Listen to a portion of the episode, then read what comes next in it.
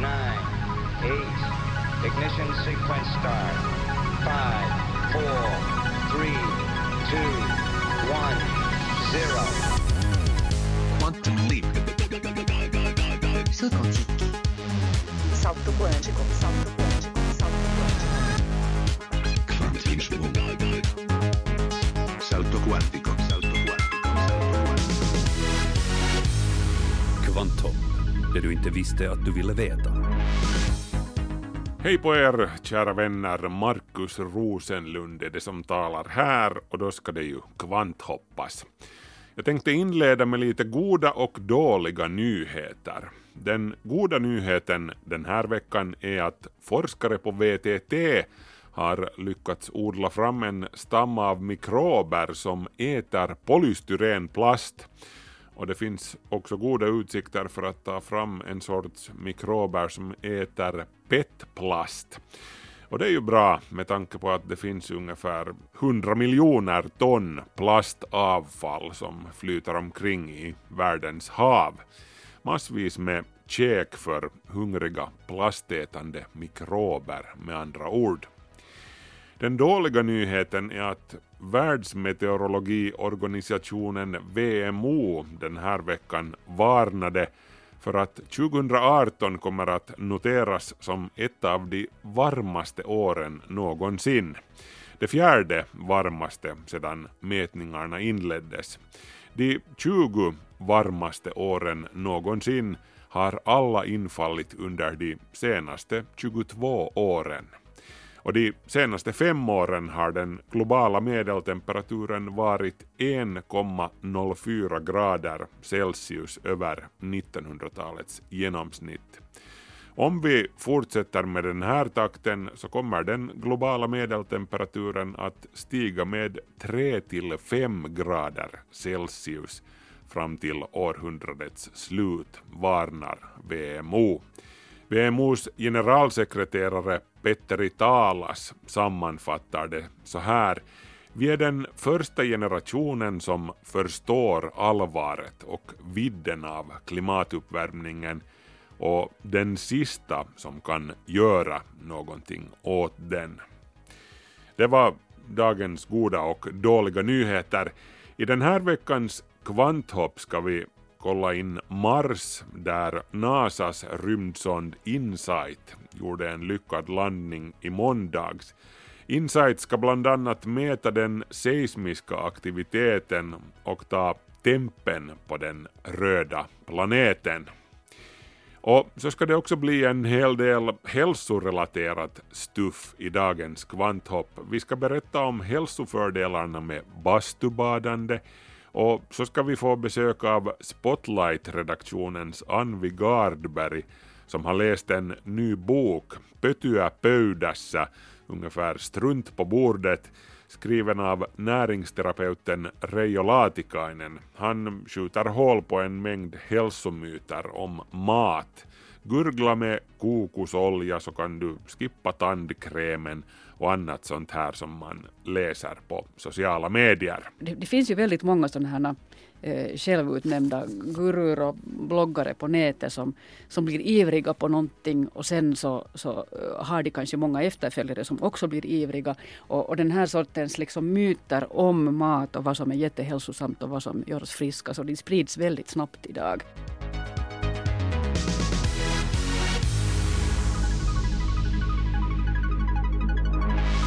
Bland annat sådant i Kvanthopp idag. Men vi inleder utbudet med vetenskapsnotiser.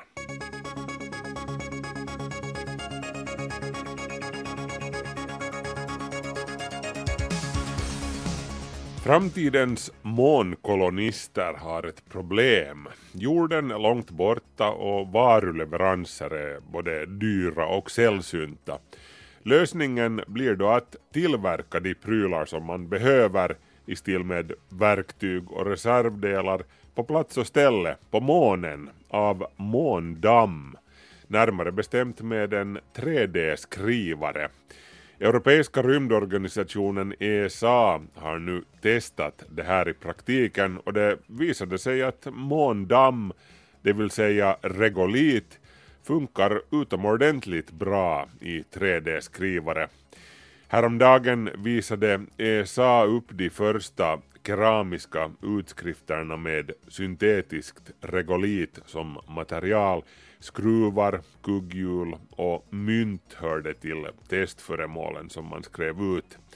Baserat på det här så drar ESAs experter slutsatsen att man kan tillverka det mesta som man behöver av regolit, som bland annat består av kiseloxid, aluminium, kalcium och järnoxid. Det är det österrikiska företaget Litos som står bakom de keramiska 3D-utskrifterna. Härnäst ska företaget testa materialets mekaniska egenskaper och styrka. Ett vikingasvärd har hittats i Turkiet i den antika staden Patara i sydvästra Turkiet, skriver nyteknik.se. Svärdet har daterats till 800 till 900-talet och har sannolikt tillhört en viking som tjänstgjorde som legosoldat i den bysantiska eller östromerska armén. Man har länge utgått från att vikingarna, eller väringarna som de också kallades, var väldigt eftersökta som legosoldater och förekom i den bysantiska kejsarens livgarde. Men det är väldigt ont om materiella belägg för nordbornas närvaro i Turkiet. Men det här svärdet som hittades i samband med en arkeologisk utgrävning i den forna lykiska huvudstaden Patara är definitivt ett vikingasvärd, säger professor Feysullah Sahin åt den turkiska tidningen Daily Sahab. Svärdet är 43 centimeter långt och bär typiska kännetecken för ett vikingasvärd. Bara ett annat liknande svärd har hittills påträffats i Turkiet. Atombomben sågs på 1960-talet inte bara som ett domedagsvapen det fanns också planer på att använda den till civila ändamål, som gruvdrift till exempel. Både USA och Sovjetunionen hade planer åt det här hållet. USA hade till exempel ett projekt kallat Plowshare där man sprängde inalles 31 kärnladdningar på testområdena i Nevada, New Mexico och Colorado Förutom att spränga håligheter i berget för gruvor testade man också bland annat på att röja vägar och att skapa konstgjorda sjöar med hjälp av kärnsprängningar. Storax Sedan-testet var ämnat till att skapa just en sådan sjö. Gropen som sprängningen gav upphov till är fortfarande den största grop som människan har skapat. Den är 100 meter djup och 400 meter i genomskärning. Men den förblev en torr krater för det regnar på tok för lite i Nevada. Kanske lika bra för det hade hur som helst varit väldigt ohälsosamt att simma i den sjön. Ni kanske minns stjärnan Trappist 1 som för ett par år sedan befanns ha inte mindre än sju stycken jordliknande planeter som kretsar runt den. Trappist 1 ligger dessutom relativt nära jorden, bara omkring 39 ljusår härifrån. Tre stycken av systemets planeter befinner sig dessutom i den så kallade livsvänliga zonen där det varken är för varmt eller för kallt för att vatten ska kunna förekomma i flytande form. Nå, nu tyder en ny studie från Washington University att alla utom en av planeterna sannolikt har fått sina eventuella hav bortkokade, lite som det gick för Venus här hos oss. Trappist 1-stjärnan hade nämligen en väldigt het ungdom då den lyste mycket intensivt. Men, menar forskarna, den fjärde planeten inifrån i Trappist-systemet Den kan vara helt och hållet täckt av vatten och ha ett klimat som påminner om jordens.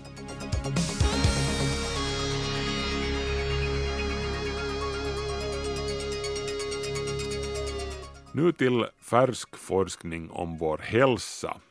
Risken för hjärtdöd kan minska om du badar bastu flera gånger i veckan och det här gäller både för män och kvinnor. Den finländska forskningsrapporten publicerades tidigare den här veckan. De som badar bastu fyra till sju gånger i veckan har en mindre risk för att dö i förtid till följd av hjärt och kärlsjukdomar jämfört med de som inte badar bastu alls eller bara badar en gång i veckan. Det här enligt en ny studie vid Östra Finlands universitet. Den aktuella studien fokuserade på finländska män och kvinnor som var åtminstone 50 år gamla. Tidigare forskning vid samma universitet har visat att ett sådant här hälsosamband gäller för medelålders män. Nu är det alltså etablerat att det också gäller för kvinnor och äldre personer. Slutsatsen är att ålder och kön inte har någon betydelse i det här sammanhanget, konstaterar en av forskarna bakom studien, professorn och specialläkaren i kardiologi Jari Laukkanen. Vaikutukset tulee vasta sen jälkeen, kun on saunonut tietyn ajan 10-15 minuuttia ollut siellä lämpimässä, niin De positiva effekterna för hjärt och kärlsystemet kommer efter att man har badat bastu i åtminstone 10 till 15 minuter, säger han.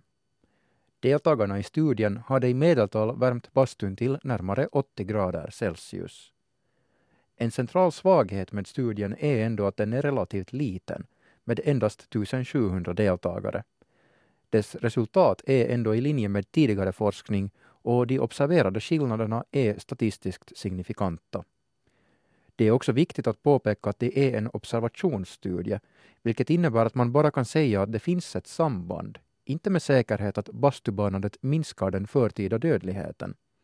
Forskarna har ändå försökt utesluta alternativa förklaringar med hjälp av olika åtgärder. Vad kan det då bero på att det finns en koppling mellan rikligt bastubadande och minskad förekomst av hjärt och kärlsjukdomar? Laukkanen svarar så här på den frågan. verenpaine laskee saunomisen myötä. Verenpaineen laskulla on myönteisiä vaikutuksia myös pidemmällä aikavälillä. Blodtrycket sjunker när man badar bastu och det har positiva effekter också på längre sikt. När man går i bastun upprepade gånger så kan de här effekterna bli ännu tydligare. Dessutom stiger pulsen i bastun, liksom då man motionerar. saunoissa nousee lämpökuorman lisääntymisen myötä pikkuhiljaa. Pulsen stiger sakta när man är i bastun. Den stiger inte under de första minuterna, till skillnad från då man motionerar. Då kan pulsen stiga snabbt. När man bastar stiger den alltså långsammare när värmebelastningen på kroppen ökar. Man tränar ändå inte musklerna genom att sitta i bastun, men hjärt och kärlsystemet belastas alltså. Laukkanen påpekar också att det inte i princip är någon skillnad vilken typ av bastu det handlar om.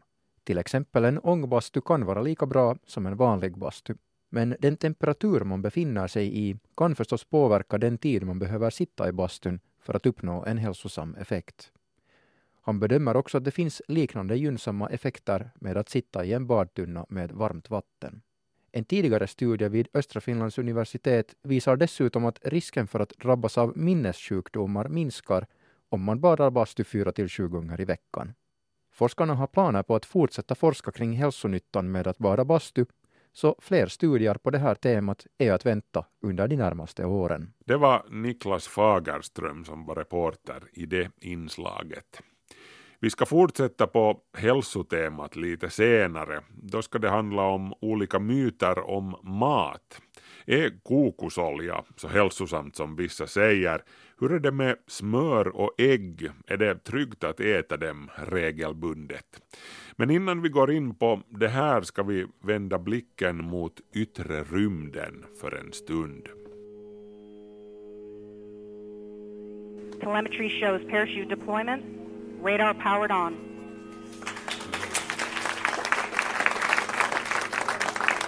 Heat shield separation commanded. Det var idel spända, sammanbitna miner och en hel del nagelbitande i kontrollrummet på NASA på måndag kväll finsk tid då man väntade på det förlösande ”Jag är okej” meddelandet från rymdsonden Insight som var på väg ned för landning på Mars. Klockan 21.53 finsk tid efter sju ändlösa minuter, den tid det tog för Insight att dyka ned genom Mars atmosfär, exploderade kontrollrummet i jubel och applåder då det blev klart att landningen hade lyckats perfekt och Insight stod stadigt förankrad på den röda planetens yta. Touchdown confirmed.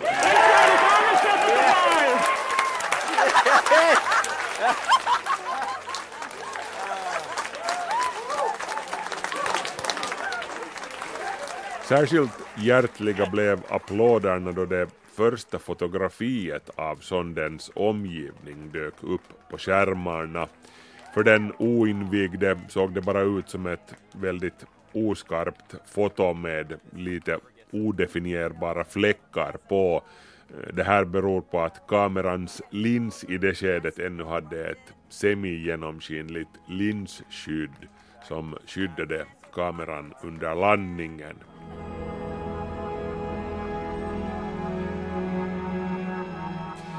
Och det må ju sägas att ingenjörerna på NASAs Jet Propulsion Laboratory nog minsann är förtjänta av en applåd för den här väldigt eleganta landningen på Mars. Trots allt så har det gått åt skogen för 60 procent av alla sonder som har skickats till Mars. Däremot har samtliga sju av de senaste sonderna som NASA har sänt till Mars landat framgångsrikt. Odyssey, Spirit, Opportunity, Phoenix och Curiosity. En imponerande CV, det kan man lugnt säga. Gravity turn, altitude 400 meters. Insight står just nu på den väldiga slätten som kallas Elysium Planitia nära Mars ekvator. NASA har skämtsamt kallat slätten för den största parkeringsplatsen på Mars och någon trängsel blir det ju minsann inte där. Men hur som helst så hade Insight en hel del tur med sig i bagaget. Om man tittar på den senare anlända bilden som Insight tog av sin omedelbara omgivning så ser man ett fält med stora stenbumlingar ett antal meter bort. Hade sonden landat lite snett och hamnat där så hade man kanske inte jublat fullt så mycket i kontrollrummet.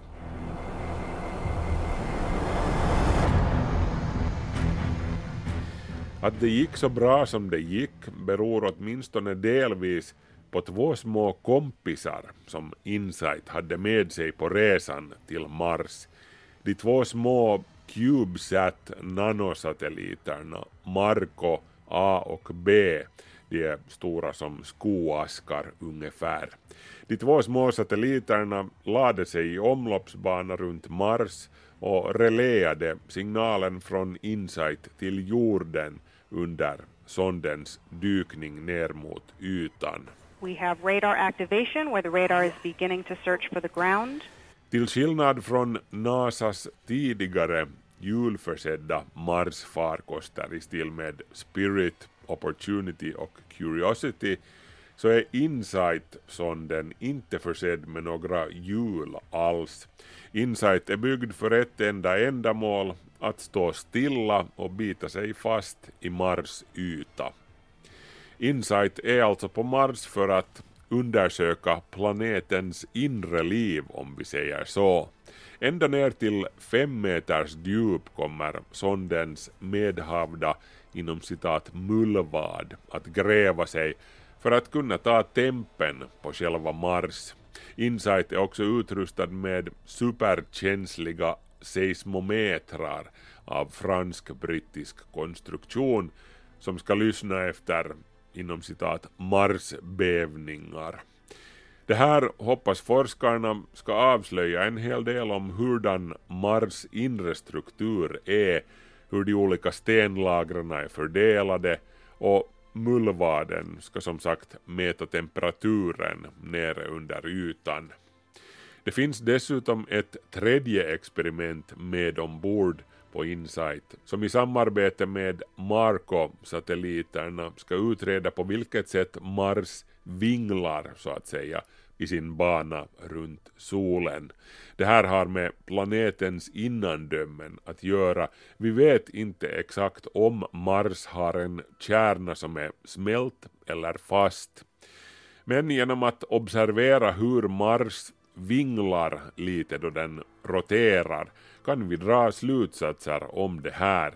Lite på samma sätt som ett roterande ägg beter sig lite olika beroende på huruvida det är rått eller hårdkokt.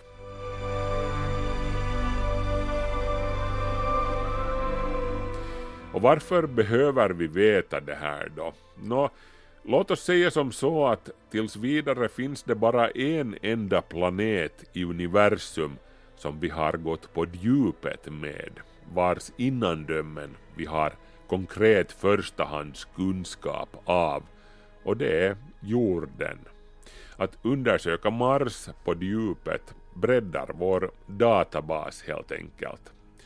Med tanke på att små jordliknande planeter har visat sig vara oerhört vanliga ute i galaxen baserat på de närmare 4000 exoplaneter som vi känner till just nu så är det ju väldigt intressant att lära sig mer om hur den här sortens planeter, inklusive vår egen, har uppstått och hurdan inre struktur de har.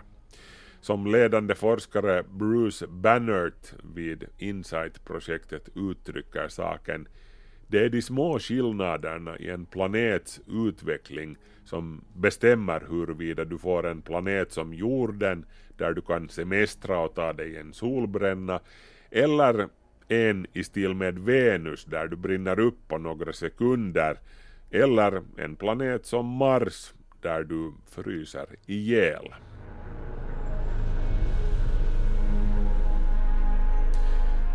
Vad kommer den här kunskapen då att betyda för en eventuell framtida bemannad expedition till Mars? Nå, kanske ingenting direkt, men det är ju klart att ju mer vi vet om vad det är vi landar på, desto större chans har vi att lyckas med att landstiga på Mars och att etablera en närvaro där. Och med vi så menar jag då USA och NASA som trots allt är klara förhandsfavoriter bland vadhållarna beträffande vem som blir först att sätta ett par stövlar på Mars yta. Kineserna, de må vara kaxiga, de har storslagna planer både då det gäller månen och Mars. Men när det kommer till kritan så saknar de nog det mesta av den självsäkerhet som bara kommer med erfarenheten. Den som NASAs Jet Propulsion Laboratory visade ett lysande prov på i måndags. Igen kan man säga. Kinesernas raketteknik har dessutom visat sig vara allt annat än mogen och pålitlig. Men visst, för all del, det skulle ju vara nog så spännande om vi fick ett genuint race till Mars. Om till exempel Kina skulle bevisa att de kan backa upp sin kaxiga jargong med riktiga expeditioner.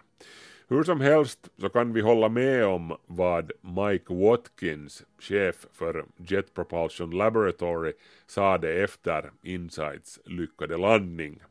För att göra vetenskap måste vi vara djärva och vi måste vara upptäcktsresande.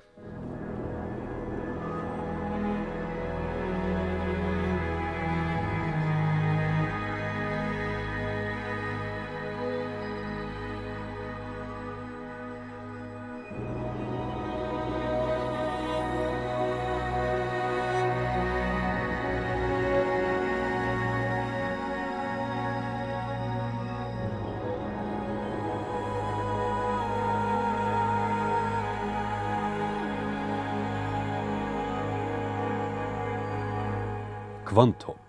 Sikta mot stjärnorna. Får man tro på allt som folk delar på sociala medier så kan man ju skippa alla sorters mediciner och bara köra med kokosolja till exempel, eller vilken som nu än är mirakelkuren den här veckan. Smör och ägg, det ska man ju undvika som pesten, liksom också socker, eller hur? Spotlight-redaktionens Anvi Gardberg, som tidigare fäste vår uppmärksamhet vid silvervattnets faror, är nu i Kvanthopp-studion för att tala om en bok som hon har läst. Pötyä pöydässä, ungefär strunt på bordet, av näringsterapeuten Reijo Laatikainen, där han skjuter hål på olika myter om mat. Under rubriken är att tro inte på allt som, som man påstår om mat eller liksom föda.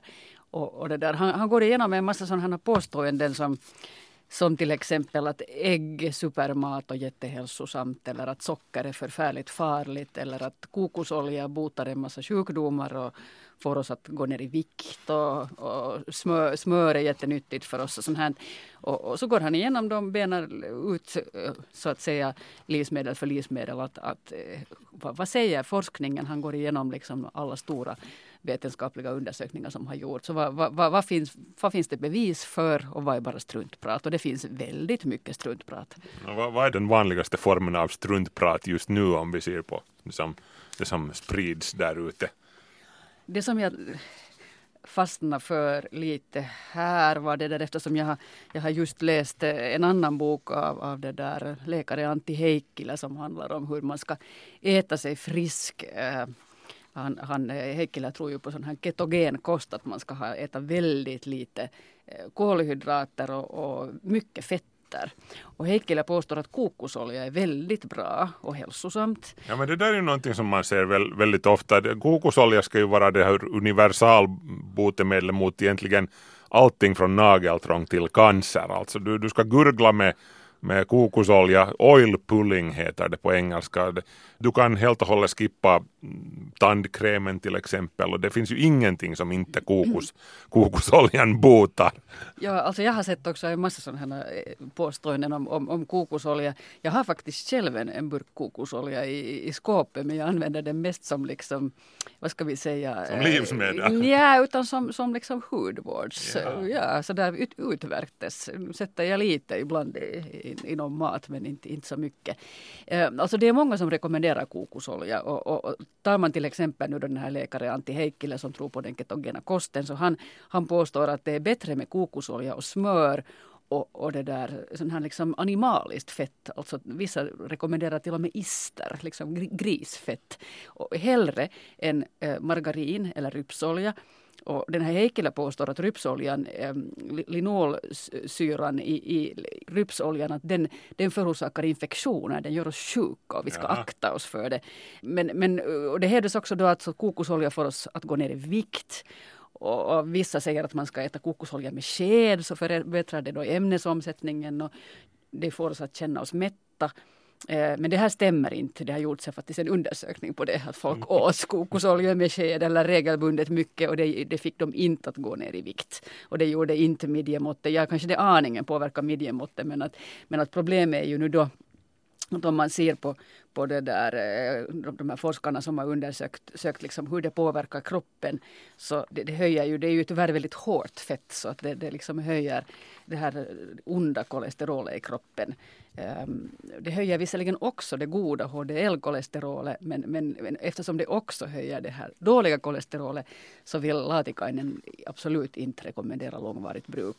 Och han går igenom också sådana andra påståenden som att det botar cancer vilket det definitivt inte gör. Nej, det gör det verkligen inte. Ja. Och sen så påstås det att det, det är jättebra för Alzheimer-patienter med kokosolja. Mm, och det finns det inte heller något forskningsresultat som bevisar. Mm. Däremot så finns det, finns det forskningsresultat som då bevisar att, att en sån här diet med, med liksom mjuka och omättade fetter, eh, växtoljor, nötter, fisk får, får faktiskt eh, Alzheimer-patienter att må bättre och, och det finns också en, en alldeles sån här färsk eh, finländsk kvalitetsundersökning som har konstaterat att, en diet med en fisk och nötter och växtoljor i kombination med motion och minnesövningar skyddar minneshot minnet hos patienter som då liksom hade sån här begynnande minnessjukdom. Så det där, ja det påstås en massa men, men det där när, när han då går igenom alla de här påståendena så det som Laatikainen säger att det finns inga goda vetenskapliga studier, sådana här liksom stora befolkningsstudier eller randomiserade studier på människor som, som har visat att kokosolja skulle hjälpa vid Alzheimer eller cancer mm. eller för att gå ner i vikt. Ja. Nämner han de här omega-3 fettsyrorna som som är väldigt eh, inne. Eh, jag har själv faktiskt fallit för den grejen, för, för jag äter väldigt lite fet fisk. Så jag, jag har tänkt att no, jag måste balansera upp det liksom då, lite på artificiell eh, väg. No, no, det som han säger gällande det där överhuvudtaget liksom kosttillskott så säger han att, äh, att vi människor behöver nog inte piller. D-vitamin det är ju, jag menar, vi här uppe i det mörka Norden får ju inte lika mycket solsken och sådär. Så. Ja, D-vitamin, att så länge om vi äter fisk tillräckligt så, så, det där, mm. så då tycker han att vi inte behöver ta D-vitamin heller. Men att om den som inte äter så mycket fisk så den, den eh, kan nog ta lite D-vitamintillskott. Men, men att det som ju är intressant med överhuvudtaget sådana här vitaminer, eh, antioxidanter, eh, olika sorters tillskott så, så, så det, det, finns ganska stora nya studier som visar att, att det faktiskt påverkar till det sämre. Till exempel ja. för cancerpatienter. Mm. Att, att de blir lite sjukare om de tar piller ja. och, och de blir, hålls friskare om de, om de skippar pillren. Men ännu för att återvända till fetterna. Vad var nu det sista budet när det gällde smör till exempel? Som vi alla, det är en liten lyx som vi vill kosta på oss ibland. Ja, alltså jag använder ju själv både smör och grädde glatt i köket hemma. Eh, det, där, det har påståtts de senaste åren att smör är egentligen mycket nyttigare än margarin och det är hälsosamt och viktigt särskilt för barn. Och det är naturligt och det höjer det goda HDL-kolesterolet.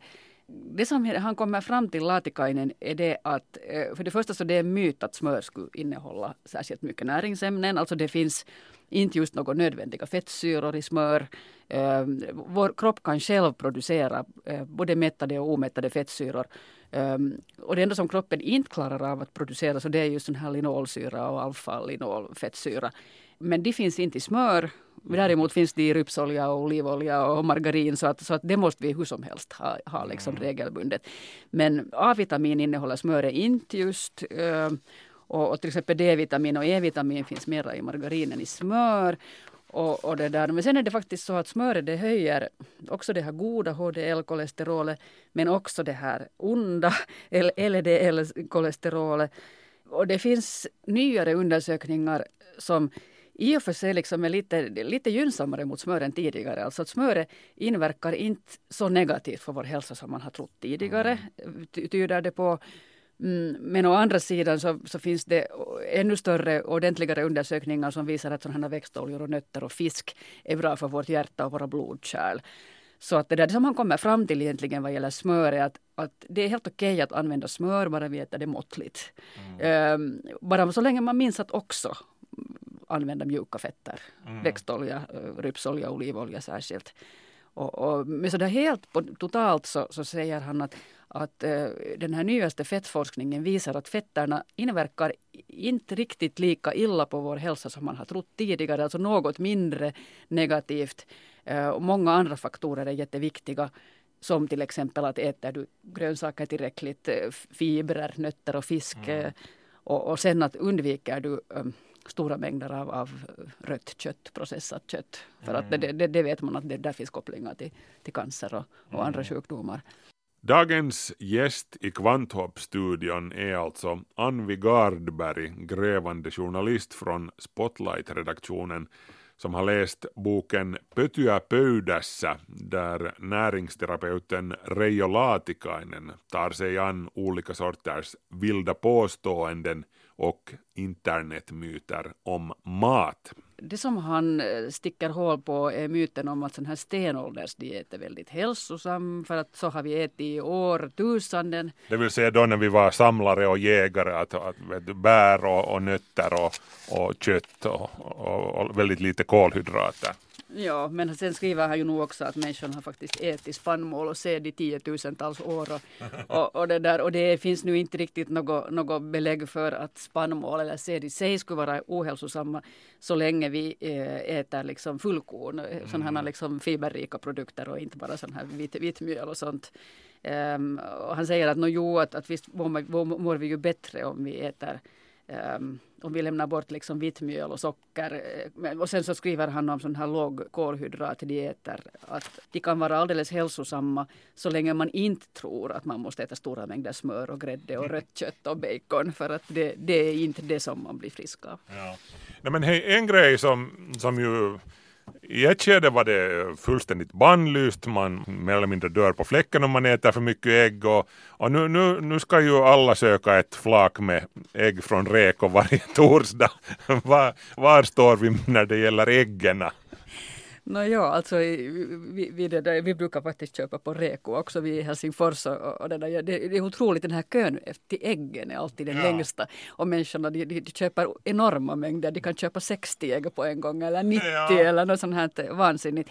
Det där, ja, hönsägg är superfood när den är som bäst skriver tidningen Kotilis i 2017, här citat hos Reijo Laatikainen och det påstås att äggen är jättehälsosamma det, ehm, det som de senaste hälsoundersökningarna visar är att hönsägg är ganska neutrala, det vill säga mm. de påverkar oss inte så där jättenegativt som man påstod tidigare, men de gör inte heller oss friskare. Så att det är egentligen lika långt som rätt.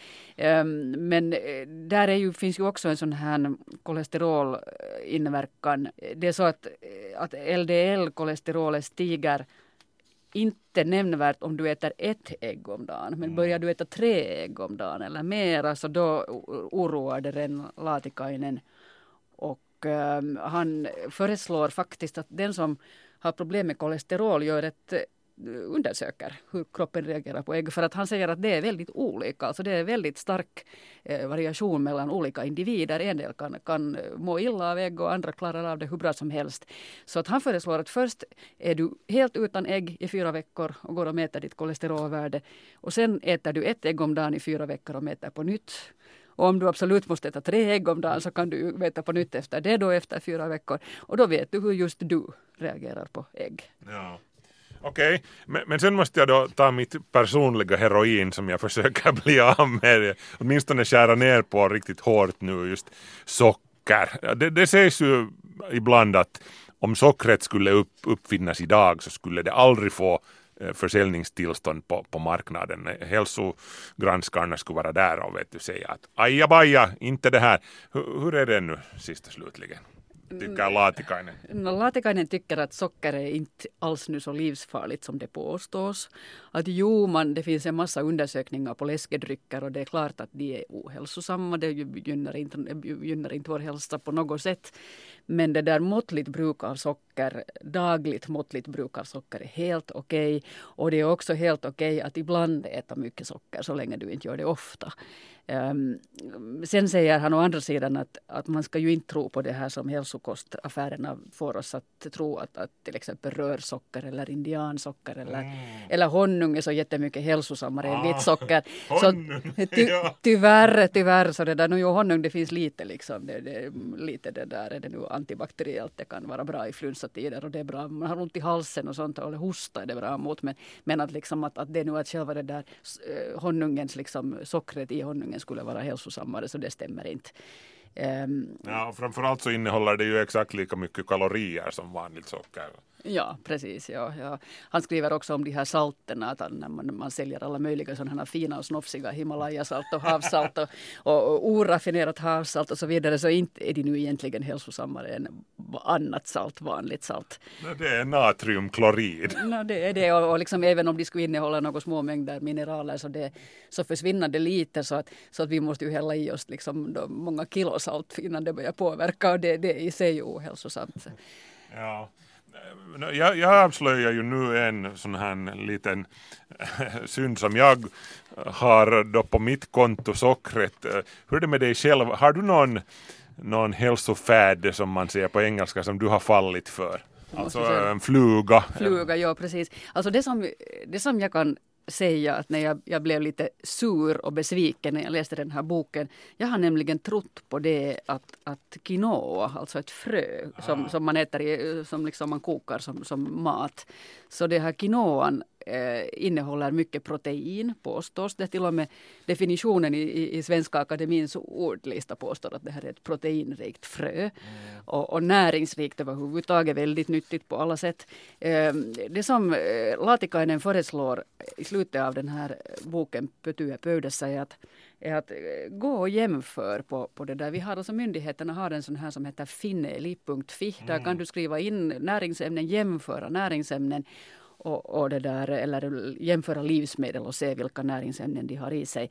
Och, och det där, jag gick in där nu då och så jämförde jag quinoa med, med det där fullkornsmjöl, äh, vete, råg, havre, korn och spelt.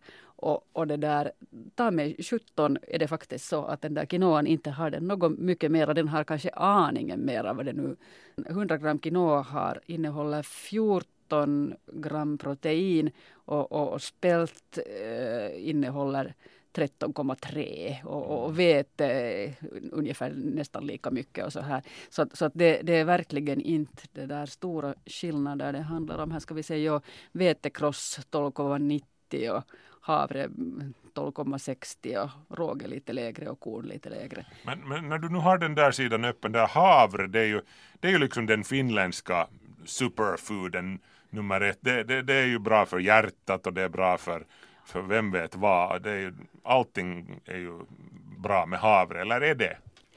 No, alltså havre, jag tittar på de här, på vissa spårämnen fanns väldigt mycket i, i havre som, som inte finns i andra, andra det där av de här sädesprodukterna. Så att, så att jag tror nog att, att det finns, nu tror jag att, att det stämmer. Den är ju, det, det tycker jag ju nog att, att de här påståendena om att havre är nyttigt har kommit från de här de här näringsforskarna. Så, så det här med som mommo sa att en, en portion havregrynsgröt om morgonen så, så börjar dagen bra. Så hon var åtminstone inte helt ute och cyklade där.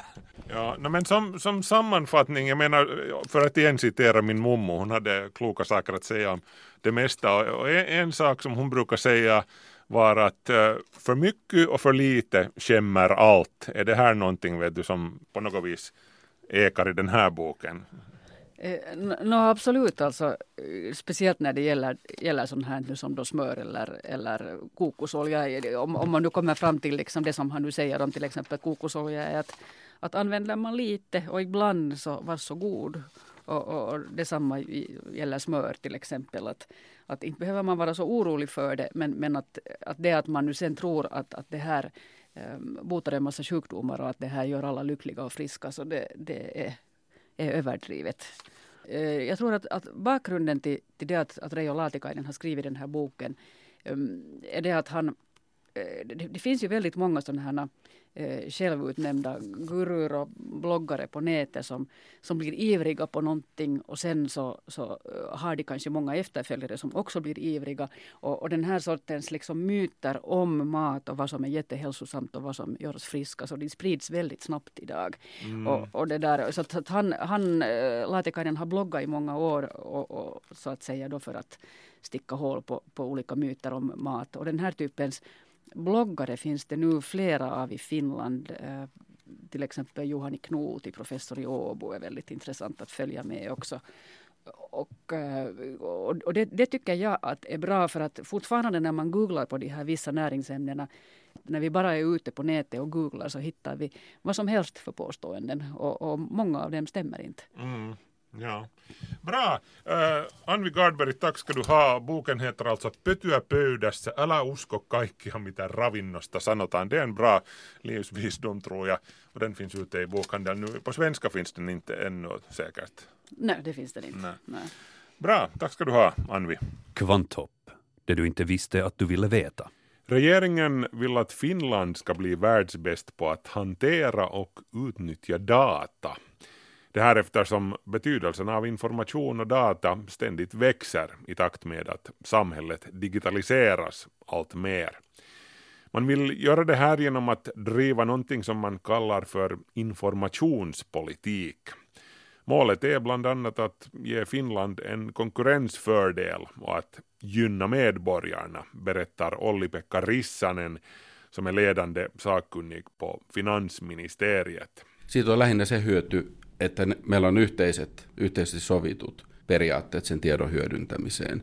Tanken är att komma fram till gemensamma principer för hur man ska använda sig av information i företagsvärlden, hos myndigheter och i medborgarnas vardag, säger Olli-Pekka Rissanen.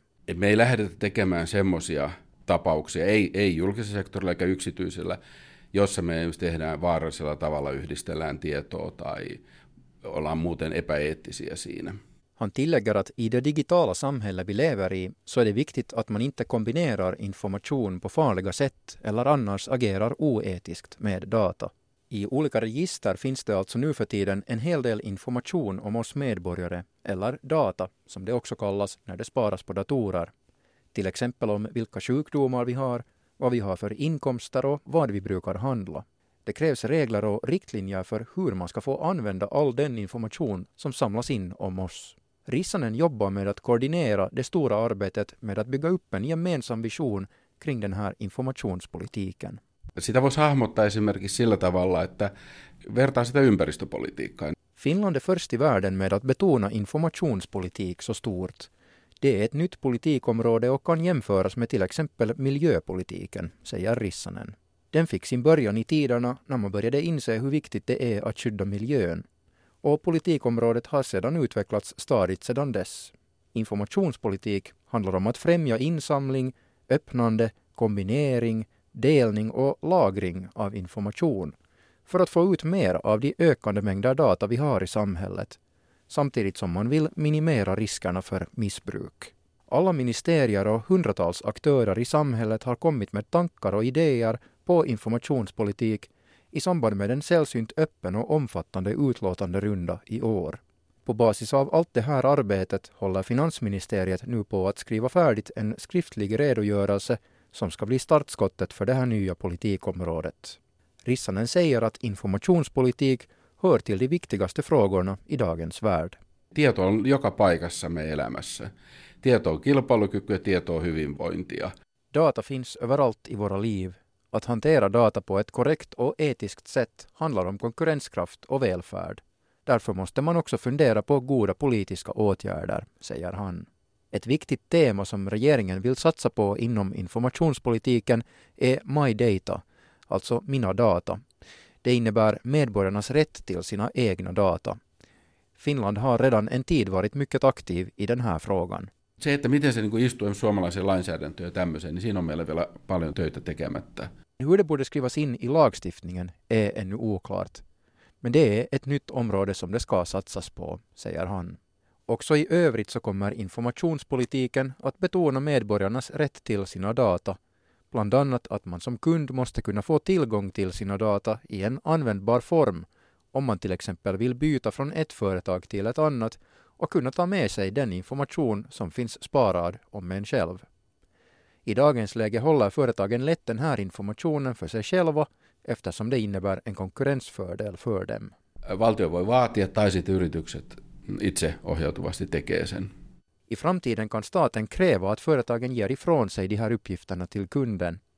Det är också i företagens intresse för de kan lätt locka till sig kunder och också lätt hålla kvar sina nuvarande kunder när de vet att de inte tvingas stanna kvar, säger Rissanen. På teknologiindustrin håller man med och anser att en satsning på informationspolitik troligen kommer att utgöra en konkurrensfördel. Olli-Pekka Rissanen på finansministeriet betonar att informationspolitiken är ett arbete som kommer att ske i många små steg under de kommande åren, lite så som miljöpolitiken också har inneburit en gradvis förändring. Parannetaan tiedon saatavuutta, tehdään mahdollisesti jotain rajoituksia.